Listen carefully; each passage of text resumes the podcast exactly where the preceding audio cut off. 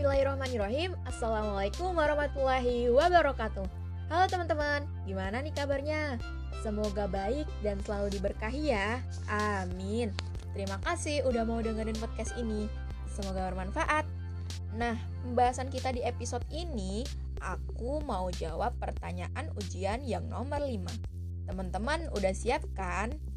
Yuk kita lanjut aja Pertanyaannya, bagaimana seorang muslim menilai bahwa praktik jual beli yang telah dilakukan itu sesuai dengan syariah dan ketentuan fatwa terkait.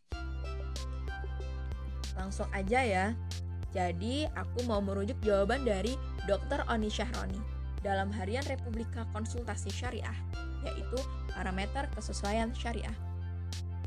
Di sini ada tiga parameter yang digunakan untuk menentukan satu kebijakan atau produk ekonomi syariah itu sesuai atau comply dengan syariah. Yang pertama, terbebas dari transaksi yang dilarang. Nah, apa saja sih ah, transaksi yang dilarang itu? Transaksi yang dilarang itu meliputi riba, goror, ikhtikar atau rekayasa dalam supply, buy an-najasi atau rekayasa dalam demand, two in one, maisir atau yudi, rishwah atau suap, buy adain bin adain atau jual beli piutang, dan objek akadnya tidak halal. Nah, praktik bisnis, bisnis terlarang tersebut merugikan dan menzolimi setiap pihak yang terlibat dalam transaksi tersebut dan pasar secara umum riba. Misalnya, manfaat yang dipersyaratkan yang diterima kreditur atas jasa pinjamannya kepada debitur.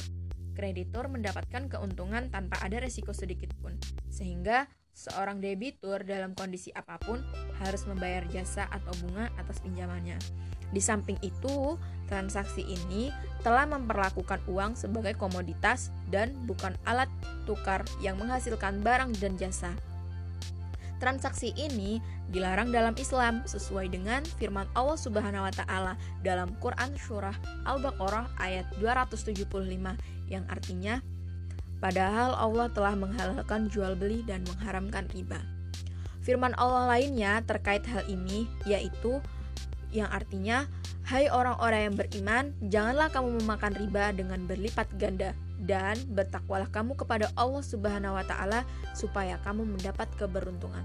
Quran surah Al-Imran ayat 130. Kemudian firman Allah dalam Quran surat Al-Baqarah ayat 278 yang artinya Hai orang-orang yang beriman, bertakwalah kepada Allah dan tinggalkanlah sisa riba yang belum dipungut jika kamu orang-orang yang beriman. Kedua, produk tersebut sesuai dengan akad atau transaksi syariah. Transaksi syariah menjadi penting untuk memperjelas hak dan kewajiban seluruh pihak yang terlibat dalam akad atau produk bisnis dan keuangan. Ketentuan tentang akad atau transaksi ini sudah diatur dalam Fatwa Dewan Syariah Nasional MUI dan regulasi terkait.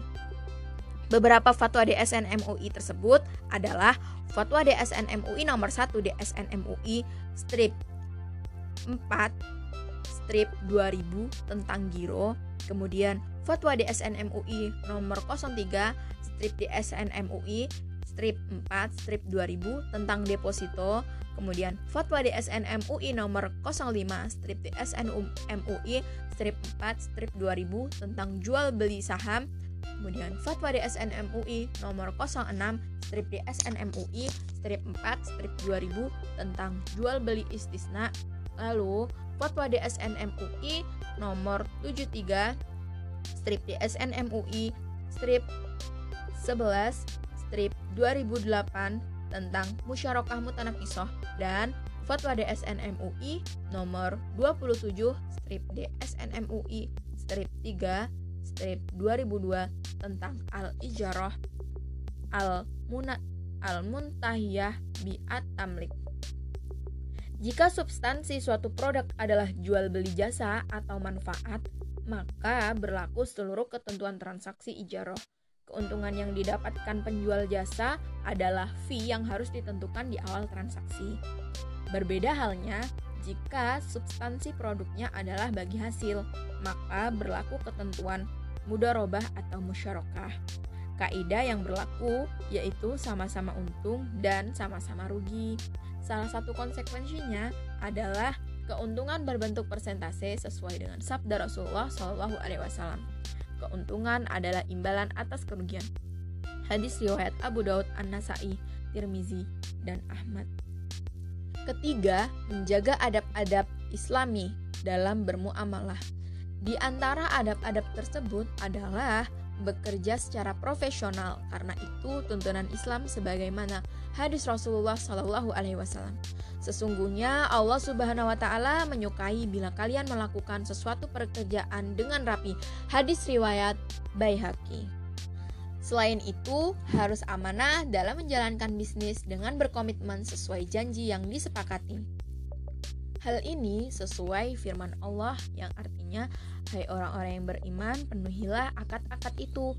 Quran Surah Al-Ma'idah ayat 1 Di antara adab-adab tersebut juga adalah berlaku adil, seperti halnya memenuhi hak karyawan dan mitra kerja, produk yang berkualitas, pendapatan yang tinggi, menjaga citra atau sum'ah yang baik, menjaga kepercayaan mitra dan nasabah, setiap transaksi dilakukan atas dasar kesepakatan, komitmen dengan kesepakatan, serta komitmen berbagi dan sosial. Diharapkan dengan tiga parameter itu menjadi ikhtiar agar produk sesuai dengan syariah. Wallahu a'lam bishawab. Itu dia jawaban dari pertanyaan tadi. Gimana nih teman-teman? Semoga dapat dipahami ya. Yuk kita sama-sama belajar Terima kasih sudah mendengarkan. Have a nice day. Wassalamualaikum warahmatullahi wabarakatuh.